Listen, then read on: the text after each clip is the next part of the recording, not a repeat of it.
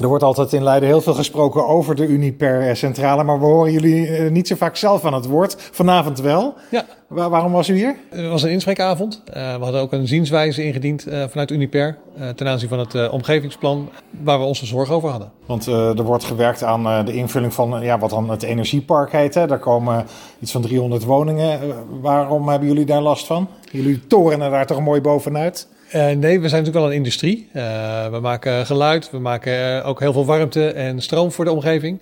Maar we zien wel dat er een inperking komt van ons grondvlak, zal ik maar zeggen. En we hebben ruimte op ons terrein nodig om te verduurzamen. Een, een warmteboiler bijvoorbeeld, een, een warmwatervat, wat we zouden kunnen gebruiken voor het verduurzamen van de warmwatervoorziening. Dat kan niet inpandig.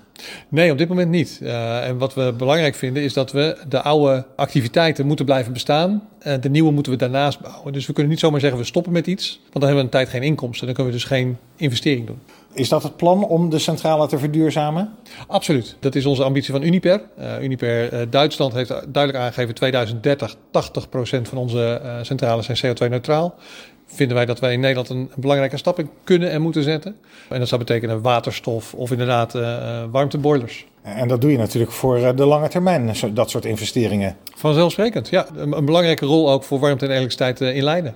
En dat lijkt dan een beetje haaks te staan op wat je al jaren eigenlijk in Leiden hoort van... nou, maar die centrale die gaat over een paar jaar dicht en dan kan die dam weg en dan kunnen we schaatsen en rondje varen. Ja, nee, dat, dat, die geruchten horen wij ook. Maar nogmaals, wij zijn bezig met een bedrijf. Het bedrijf is echt toekomstbestendig. We leveren stroom en warmte. We zien nu ook de AVR met de brand en dan geen warmte. En wie levert het dan? Dat zijn wij, dat is Uniper. Dus ik denk dat iedereen goed moet nadenken over van hoe graag wil ik hem kwijt en hoe warm heb ik het dan in de winter. Maar jullie willen in ieder geval niet weg? Wij zijn nog steeds bezig met investeren en met plannen voor de toekomst, absoluut.